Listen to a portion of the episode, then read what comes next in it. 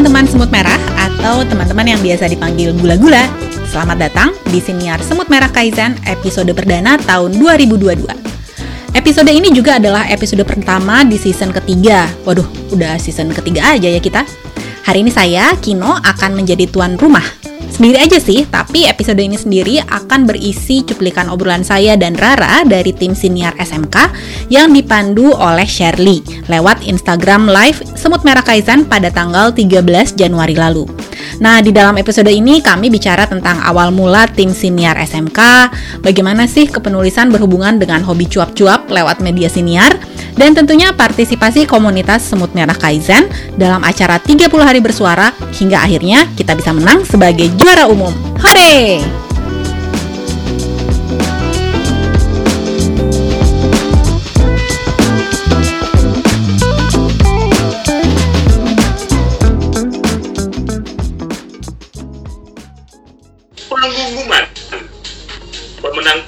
Hari bersuara ya. Saya akan menyerahkan estafet ini. Dan kita akan tahu siapakah yang akan menjadi juara 30 hari bersuara 2021 suarakan ceritamu dan inilah pemenangnya.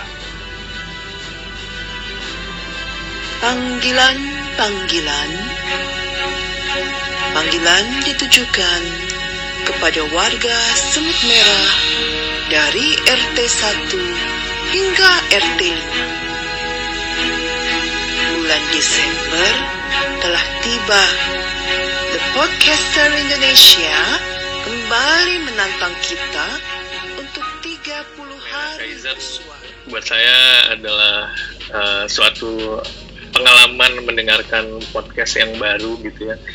Uh, buat saya benar-benar berkarakter gitu ya.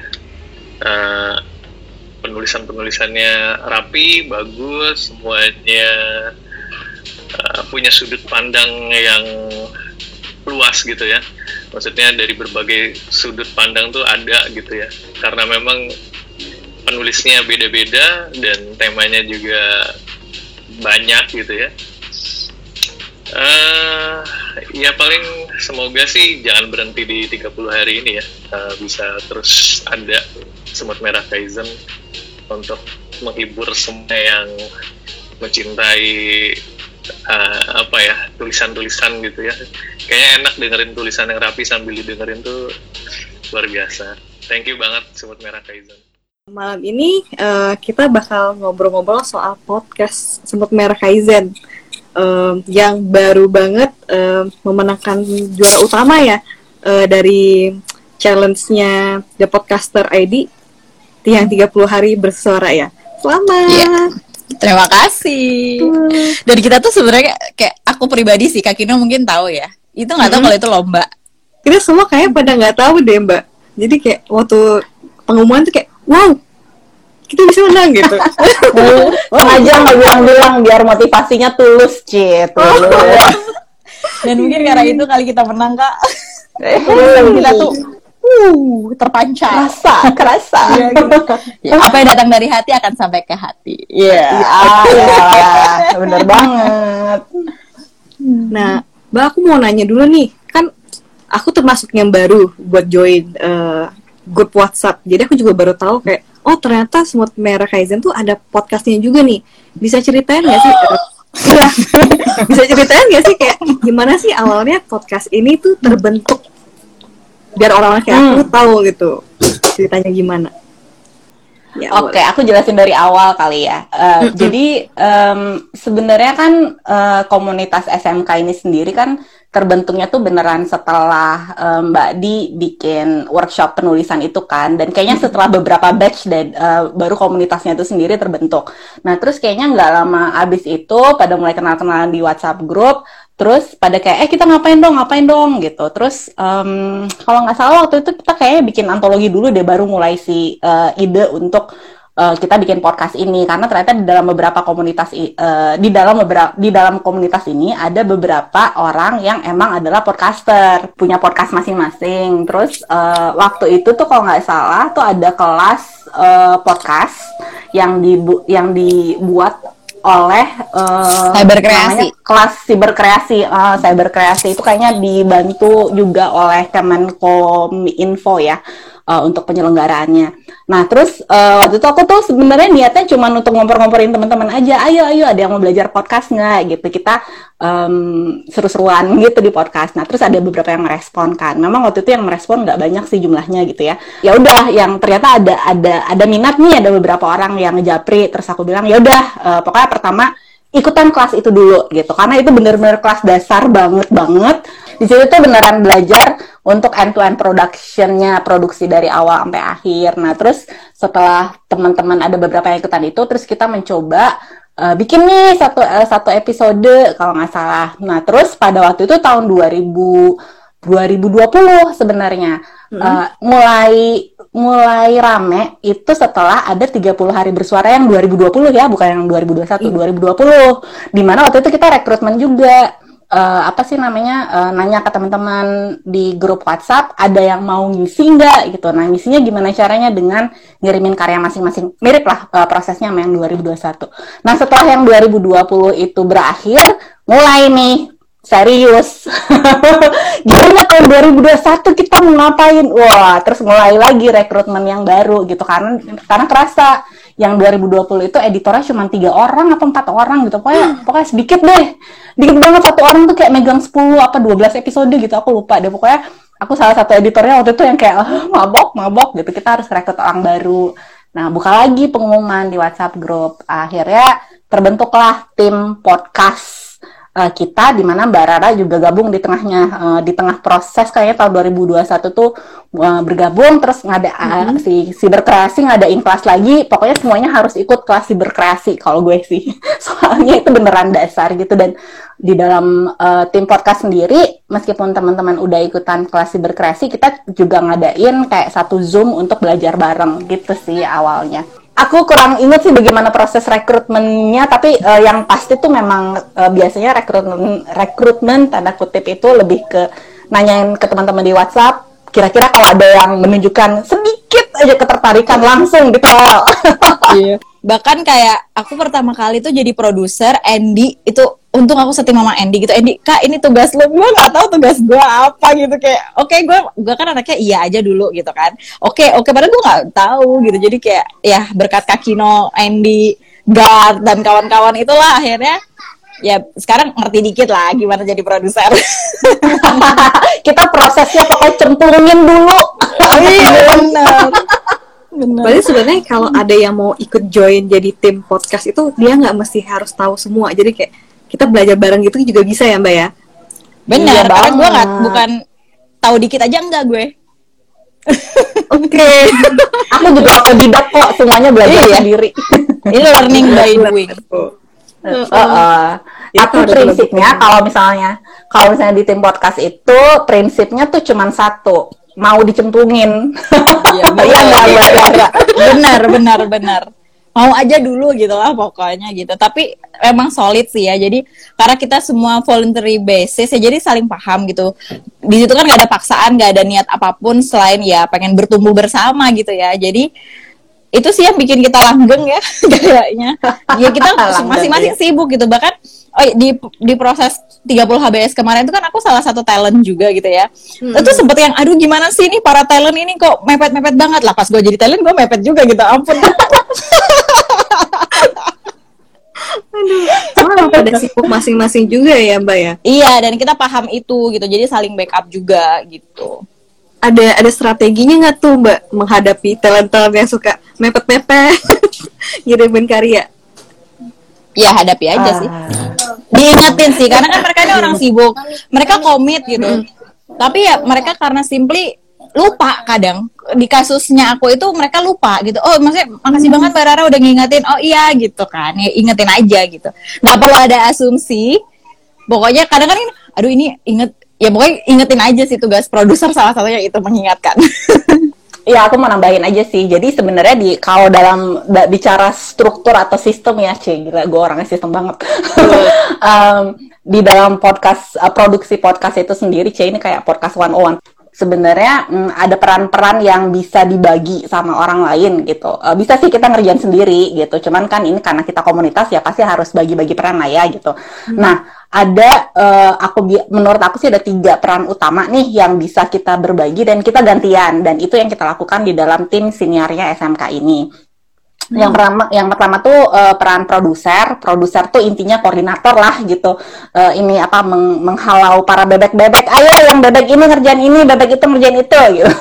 yang ngobrol um, end up jadi palu gada gitu ya. Kecuali editor ya, bikin caption. Karena akhirnya kita simplify gitu kan. Cuman ada editor, editor udah berat lah ya ngedengerin ngekat audio, ngedengerin audio berulang-ulang itu tiring banget. Jadi ya produser biasanya kita bantu bikin caption sih. Terus sama hmm, paling ya, upload betul. ke upload ke anchornya gitu. Karena ya, itu kayak kalau di itu itu kerjaan receh bang receh tapi penting gitu ya. Maksudnya simpel banget kalau untuk kita cari satu orang lagi malah ribet ntar. Jadi produser bisa handle itu lah biar nggak gabut-gabut banget gitu. Iya benar benar nyuruh doang. Biar ilmu menulisnya kepake ya kak. Ah iya benar benar benar. benar bikin caption penting itu. Nah terus uh, peran yang kedua tuh editor itu jelas ya ngedit bo ngedit itu kerjaan yang capek banget sebenarnya ya karena yang teman-teman lihat jadinya lima menit itu di belakang layarnya bisa 50 menit gitu jadi karena berulang-ulang ngedengerin terus udah gitu yang paling susah atau yang paling sebenarnya paling paling menarik tapi juga paling lama itu adalah milih-milih musik. nah terus udah gitu um, yang ke, itu editor sama yang ketiga itu adalah talentnya sendiri. Nah talent ini adalah kalau untuk komunitas SMK itu adalah orang-orang yang uh, ngebacain karya, uh, apakah itu karya orang lain atau karya sendiri itu terserah ya dia bisa mengajukan gitu. Nah tapi uh, intinya dialah yang menjadi yang gitulah suara-suara yang teman-teman dengerin di uh, siniarnya SMK sekarang gitu. Nah ini berhubung komunitas penulis, Bo, kan semua orang tuh pengen lah ya belajar menulis seperti apa dan menampilkan karyanya. Jadi uh, nyari talent di komunitas kita tuh nggak sulit gitu karena tentu saja gitu kan semua orang punya karya gitu. Nah jadi uh, di awal uh, kita bikin tim podcast itu salah satu komitmen yang kita pakai itu adalah semua uh, pertama semua orang tuh harus belajar ngerasain prosesnya. Jadi produser iya jadi pro, jadi editor iya jadi talent iya. Nah Uh, terus nanti kita gantian nih, kita rotasi. Rotasi supaya semua orang tahu nih susahnya jadi editor kayak gimana gitu. Walaupun sebenarnya ujung-ujungnya sebenarnya bisa kelihatan sih bahwa baru pada rotasi pertama, oh nih orang kayaknya lebih cocok jadi produser deh gitu. Karena ternyata nggak semua orang juga bisa jadi produser gitu. Ada juga yang uh, begitu ngerasain jadi produser tuh yang kayak kayaknya gue nggak bisa gue jadi editor aja deh gitu. Uh, ada juga yang kayak gitu gitu. Nah jadi uh, tapi memang kita jadinya uh, uh, apa pakai sistem rotasi itu supaya tahu uh, bebannya editor kayak gimana ya. Jadi ketika gue jadi talent itu nggak cuma ngomong aja 50 menit nggak berhenti berhenti kasihan editornya bo. Hmm. gitu. Ya nggak mau menambahin apa nggak? Iya benar. Dan menurut aku uh, kita tuh cukup beruntung ya di komunitas kita dan di geng podcast ini tuh mix personality banget gitu. Jadi memang ada yang ngelit, terus ada yang memang hobinya itu di belakang meja itu editor-editor yang mereka tuh kalau gue kayak jadi editor itu nggak gue banget gitu gue nggak bisa gue kerja kayak gitu tuh gitu tapi buat mereka mungkin jadi produser susah karena harus ngingetin orang marahin eh, nggak eh, marahin sih dalam arti kan perlu keberanian loh untuk nge-WhatsApp hmm. orang karena kan kita volume itu ya apa sih pro bono gitu ya. Jadi nggak nggak ada authority tertentu gitu. Jadi kayak mau ngasih tahu ini tugas lo nih sekarang tuh kadang nggak enak gitu. Nggak semua nyaman dengan kayak gitu gitu. Ada juga yang nggak suka tampil ada dan itu lengkap di tim podcast tuh menurutku lengkap. Itu yang membuat kita semua tuh men menjalankan tugasnya itu dengan senang hati gitu karena sesuai dengan passionnya gitu. Uh, coba bayangin kalau semua orang pengennya jadi produser atau talent kayak gue gitu ya siapa yang ngedit itu? Itu menurut gue itu pekerjaan paling nggak nggak banget gitu. Sementara ada juga yang aduh gue nggak deh kalau disuruh tampil gue nggak bisa gitu kan. Dia nggak nyaman banget gue mending ngedit. Dia suka banget ngedit gitu kan. Jadi ya ya ya, ya alhamdulillah aja sih menurutku kita uh, emang timnya diverse banget in a good way gitu. Jadi memang bisa saling isi. Ada beberapa orang juga yang emang uh, kerjanya tuh kayak damkar gitu lah pemadam kebakaran. Benar benar benar Nah, ini kebetulan nih aku lihat Mas Dera tuh ada mau memberikan pertanyaan. Aku bacain ya. Nah, kalau kata Mas Dera, siniar kan lagi naik daun ya sekarang. Apa sih untungnya penulis punya siniar dan apakah semua materi tulisan cocok dijadikan konten siniar? Ya kalau gue sih karena gue tuh anaknya suka bersuara, Saila gitu. Ya jadi itu memberi ruang. Mungkin ya aku senang aja menemukan ruang untuk bisa bersuara gitu. Dan semut merah kan ruang yang bebas banget gitu. Nggak ada nggak ada syarat nggak ada apa paling dituntunin tema gitu doang kan. Nggak ribet lah kayak gitu. Nggak banyak mungkin yang bisa kayak gitu. Tapi itu uh, in a way jadi keunikan kita mungkin yang bikin kita menang. Jadi kan nggak membosankan podcastnya. Karena tiap orang kan punya perspektif yang berbeda. Itu yang satu. Yang kedua mungkin aku lihat juga banyak orang-orang podcast itu kan podcast ini punya segmen sendiri gitu ya jadi bisa juga sih mungkin ini di luar di luar podcastnya semut merah mungkin ini jadi metode branding juga sih. Karena nggak karena banyak orang tipe-tipe yang audio mereka senang dengerin podcast. Kalau gue sebenarnya nggak terlalu senang. Itu kelemahan gue kenapa gue nggak menjadi editor? Karena gue nggak suka dengerin. Itu kayak itu dengerin gue bukan anak audio. Gue nggak bisa dengerin podcast yang panjang itu nggak bisa. 30 menit aja udah udah deh. Gue kalau nonton YouTube gue bisa lama gitu gitu. Jadi mungkin itu sih lebih ke kesempatan lo untuk personal branding atau ya ya kalau gue sendiri sih tempat bersuara aja sih karena emang gue demen banget gitu uh, kalau aku pikir mungkin ada beberapa teman SMK apa anggota komunitas SMK yang punya podcast yang emang penulis yang punya podcast gitu. Jadi jadi aku setuju gitu ya uh, punya podcast untuk beberapa penulis itu adalah sebenarnya branding, personal branding karena di situ lo bisa ngomongin apa aja tentang karya lo, lo bisa uh, membawa presentasi karya lo dengan cara apa pun yang lo pilih, entah itu sandiwara, entah itu monolog, entah itu kayak pembacaan puisi gitu ya, terserah lo lah gitu. Itu wadah lo juga gitu. Um, tapi uh, selain itu sebenarnya uh, dan dan podcast itu kan sebenarnya gimana ya itu tuh kayak kita membangun komunitas gitu loh. Uh, pendengar itu tuh adalah komunitas kita gitu. Jadi uh, sebenarnya salah satu cara untuk networking juga sih kalau menurut gue. Uh, karena walaupun dia sifatnya mungkin satu arah ya karena kan kita mendengarkan gitu ya sebagai pendengar tuh agak sus sulit gitu untuk berinteraksi. Tapi sebenarnya di balik uh, podcast yang muncul itu ada komunitas di belakangnya yang saling berhubungan satu sama lain gitu. Ada misalnya wadah yang dibuat oleh The Podcasters Indonesia itu di dalam uh, grup Discord mereka tuh semua orang tuh saling ber uh, network dan kayak saling undang-undang gitu lo uh, masuk podcast podcast gue dong jadi bintang tamu dan seterusnya. Nah untuk podcast kita untuk kita ya untuk uh, Semut Merah Kaisan kita sendiri kan udah komunitas nih. hmm. Jadi um, sebenarnya kalau buat aku sih ngelihatnya ya uh, podcast yang kita punya sebagai komunitas Kaizen itu tuh adalah wadah untuk kita untuk memperkenalkan karya-karya anggota kita kepada yang non komunitas gitu. Dan uh, memang uh, ini kayaknya menurut gue salah satu yang bisa kita um, apa ya kejar lebih baik lagi di masa depan itu adalah bagaimana kita berjejaring dengan teman-teman komunitas podcast di luar SMK gitu sih kalau menurut gue Ya, Apakah konsep... semua tulisan bisa disuarakan? Uh, ya, nah, itu pertanyaan yang menarik. Uh, karena kalau aku pribadi ya merasa bahwa uh, uh, per pertama tergantung uh, kalau lo adalah penulis yang ingin menyuarakan karya lo yang lain ya, bukan karya untuk podcast gitu.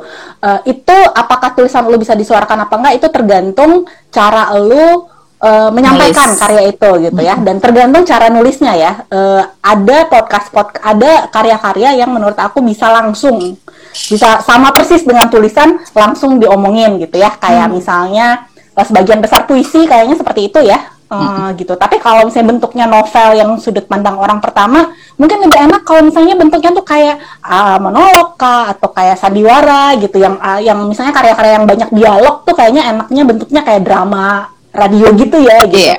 Aku ngebayangin ya. Tapi ada juga karya-karya uh, semua karya itu bisa disuarakan. Masalahnya itu adalah uh, ininya aja gaya penyuaraannya itu seperti apa.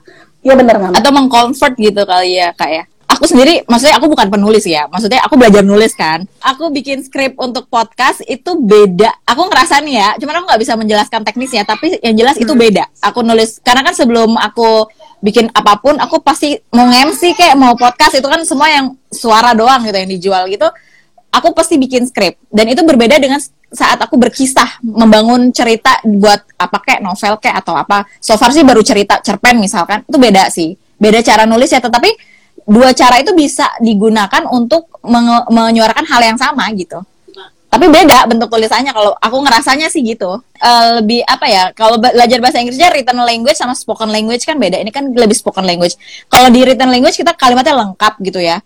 Kayak kalau hmm. di kalau kita sesuai KBBI di podcast agak aneh gitu nggak sih terdengarnya kan? Terus juga di podcast kita harus tahu juga niche-nya. Kita nggak sih kak? Iya nggak sih kak? Ini kayak asumsiku aja sih. Karena menurut aku podcast itu segmented banget gitu. Jadi kayak pendengar lu tuh ya memang orang-orang yang setipe sama lu gitu ya kan kayak aku nggak bakal dengerin podcast podcast yang filsafat filsafat yang berat-berat gitu. Kayak nggak gue banget gitu.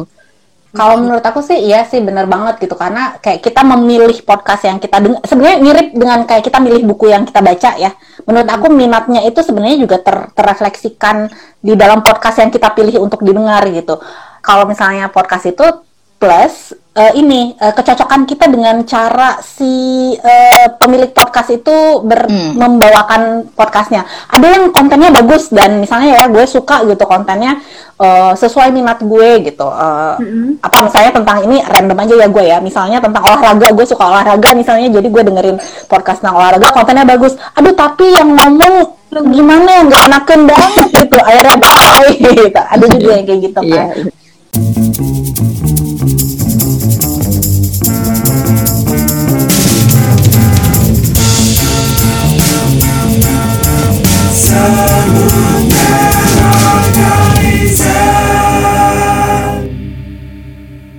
Imelda, dia mau nanya, apakah ada tips atau bentuk tulisan tertentu untuk siniar? Maksudnya mungkin yang kayak, yang ini cocok banget lah untuk jadi siniar gitu, di, untuk di siniar.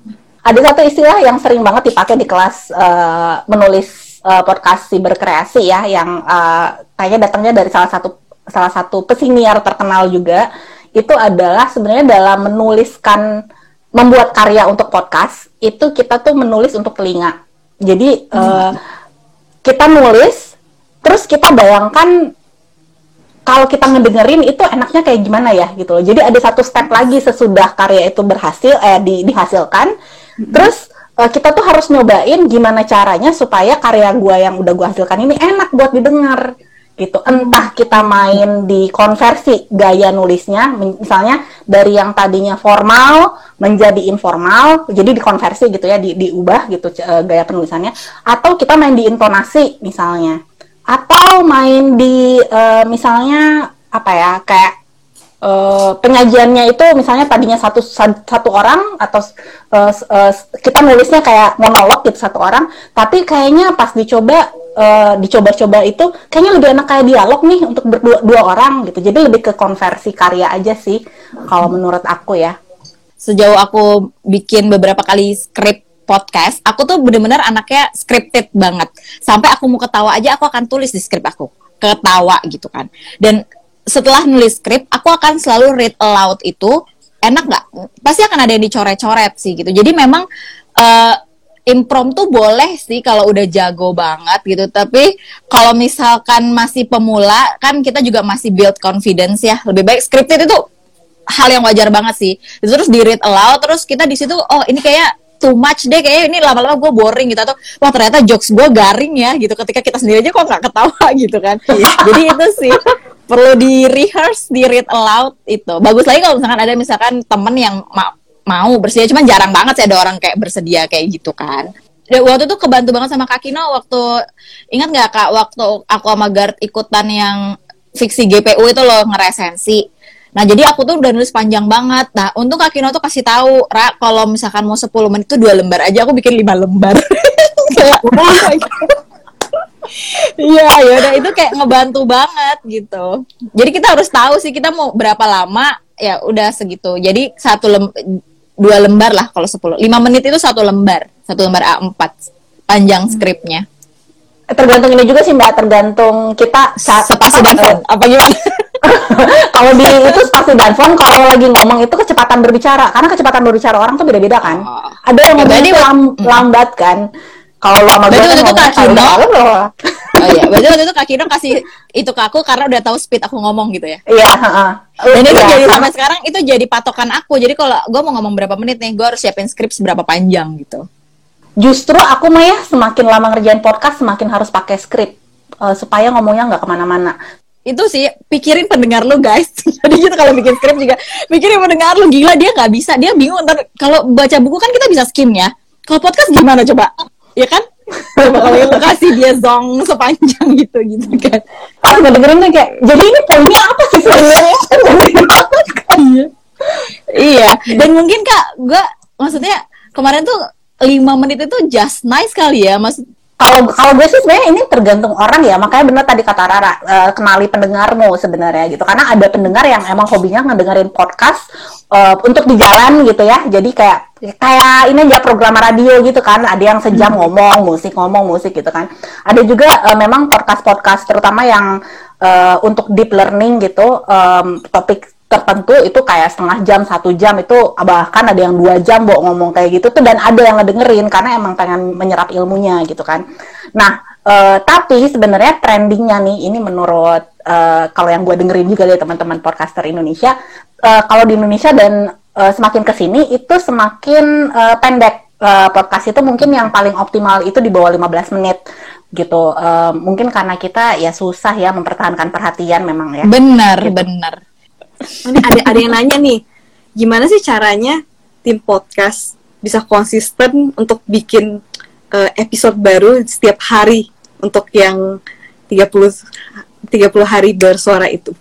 kuncinya cuma satu karena kita komunitas kita hmm, kerahkan hmm, semua anggota komunitas. Bayangin kalau satu orang yang bikin 30 hari berturut-turut mabok kan Nah, jadi tinggal dilempar aja ke WhatsApp grup dan dalam 4 jam 30 orang lebih malah itu merespon. Gue mau, gue mau, gue mau untuk tema ini, tema ini. Nah, kita bagian produser organisernya yang oke okay, gampang kalau kayak gitu.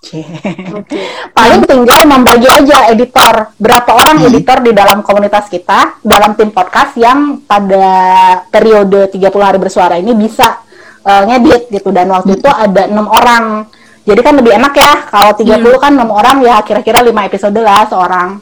Hmm. Ya, gitu. Nah, itu tuh temanya kan uh, ada banyak banget tuh.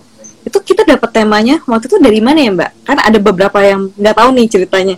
Dari panitia, dari panitia udah udah di biasanya sebelum uh, eventnya mulai, panitia itu akan ngelempar Uh, ke apa bikin pengumumannya tuh udah udah sama tema selama 30 hari. Nah, uh, sebenarnya format 30 hari bersuara yang udah menentukan tema ini sebenarnya juga menurut aku cukup membantu ketika kita membuat uh, planning atau rencana Betul. untuk uh, podcast tahun 2021.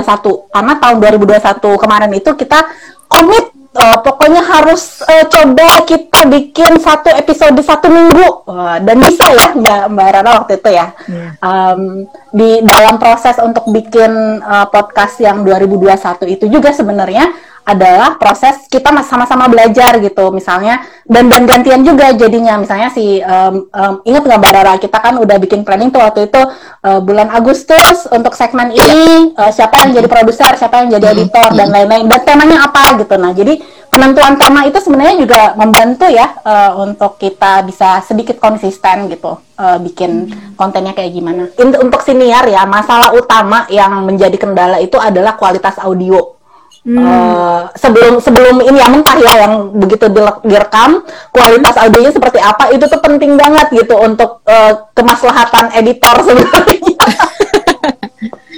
iya gitu sih jadi makanya kita selalu selalu banget uh, maksudnya kita nih ya tim-tim podcast ini selalu banget bilang ke teman-teman talent please please banget audionya yang bersih gitu karena itu tuh makan waktu banget ngeditnya uh, kalau kotor ya tanda kutip Wah, ini kita udah dapat dua pertanyaan lagi dari Mas Dera dua-duanya. Aku coba bacain ya. Nah, Mbak Mas Dera nanya, apa yang membedakan podcaster yang bisa menulis dan yang nggak bisa? Sama ada satu lagi, apakah tulisan yang disuarakan in a way bisa menyampaikan makna lebih efektif dari sekedar tulisan? Nah ini Wah. jawab duluan. Apa yang membedakan podcaster yang bisa nulis sama yang nggak bisa? Oke, okay. yeah. kalau buat gue pribadi nih, kalau wawancara atau dialog ya itu mah bukan bukan menulis ya masalah, uh, kemampuannya iya. tapi masalah public speaking aja lo bisa mengarahkan gak sih gitu uh, si narasumber lo kepada subjek yang mau lo lo lo angkat gitu kalau misalnya memang jenis karyanya itu adalah jenis karya yang dianya harus nulis skripnya itu hmm. kerasa banget sama aja dengan lo baca buku tahu nih orang nulisnya bagus apa enggak gitu. Sebenarnya masalah itu tuh adalah masalah selera ya, sama kayak buku gitu. Itu juga selera gitu. Yang kedua itu adalah dia bisa menemukan suaranya sendiri dalam artian bisa menemukan cara yang tepat untuk menyampaikan tulisannya. Kalau buat aku sih itu ya.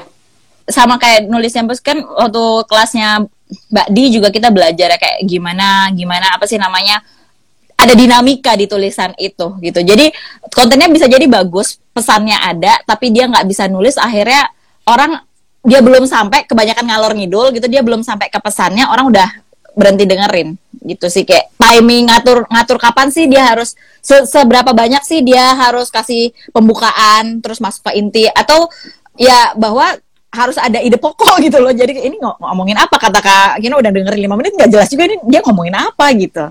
Itu sih kayaknya yang akan membedakan orang yang bisa nulis atau sekedar pengen bersuara gitu. Hmm, Ya, pre- bener. lebih prepared. Kalau dia penulis juga dia akan lebih prepared gitu. Dan itu kedenger kedenger kalau bisa tulisan kebaca gitu ya orang yang asal nulis aja sama yang orang yang bisa nulis itu kan kebaca gitu. Kalau itu kedengeran sih di podcast walaupun aku jarang dengerin podcast sih.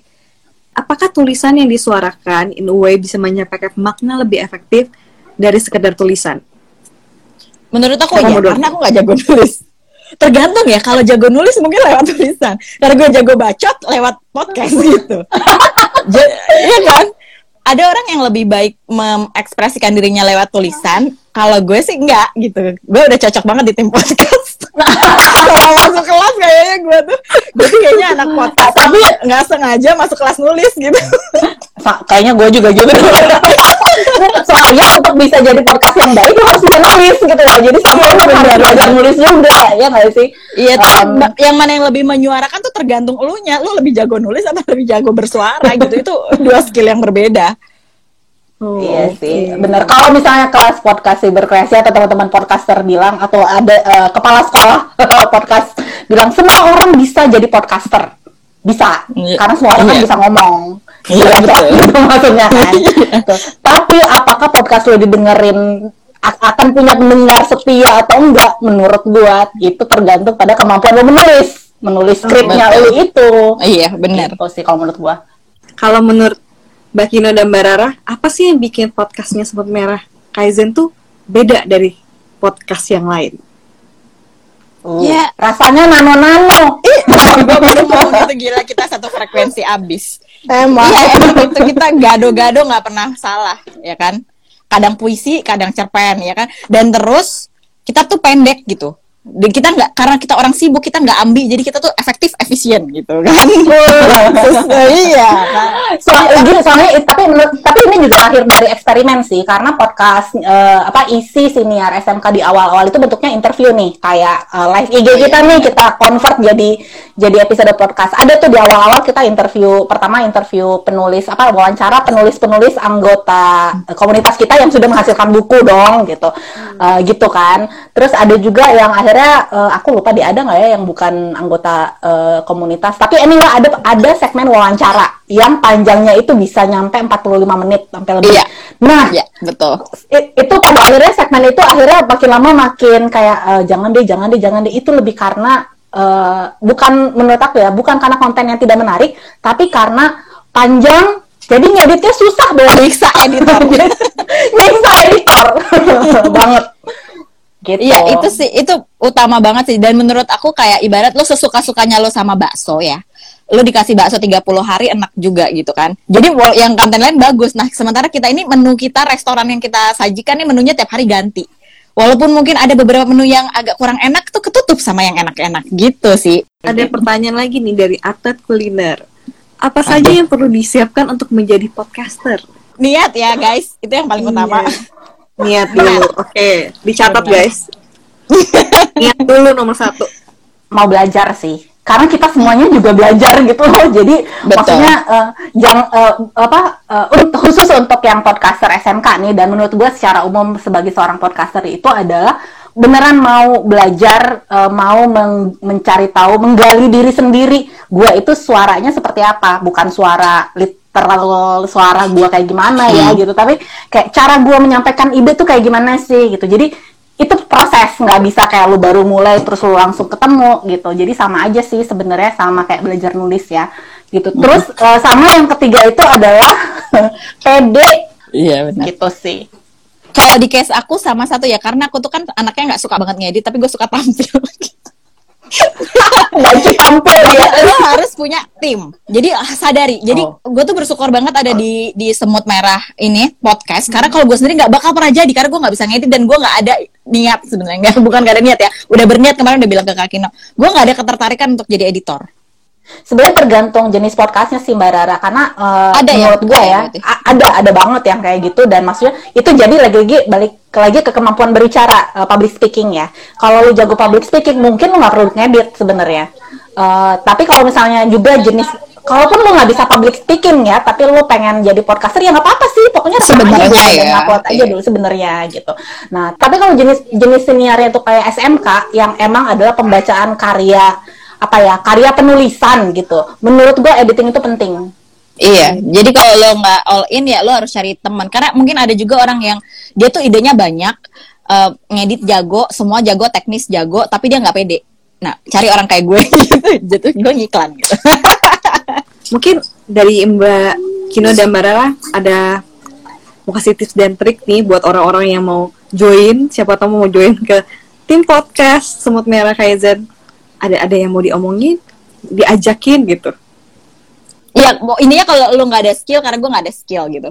Jadi gue tuh bener-bener nol, nol besar deh per podcastan. Jadi nggak perlu khawatir, nggak perlu jiper gitu ya, karena ya gue buktinya gitu.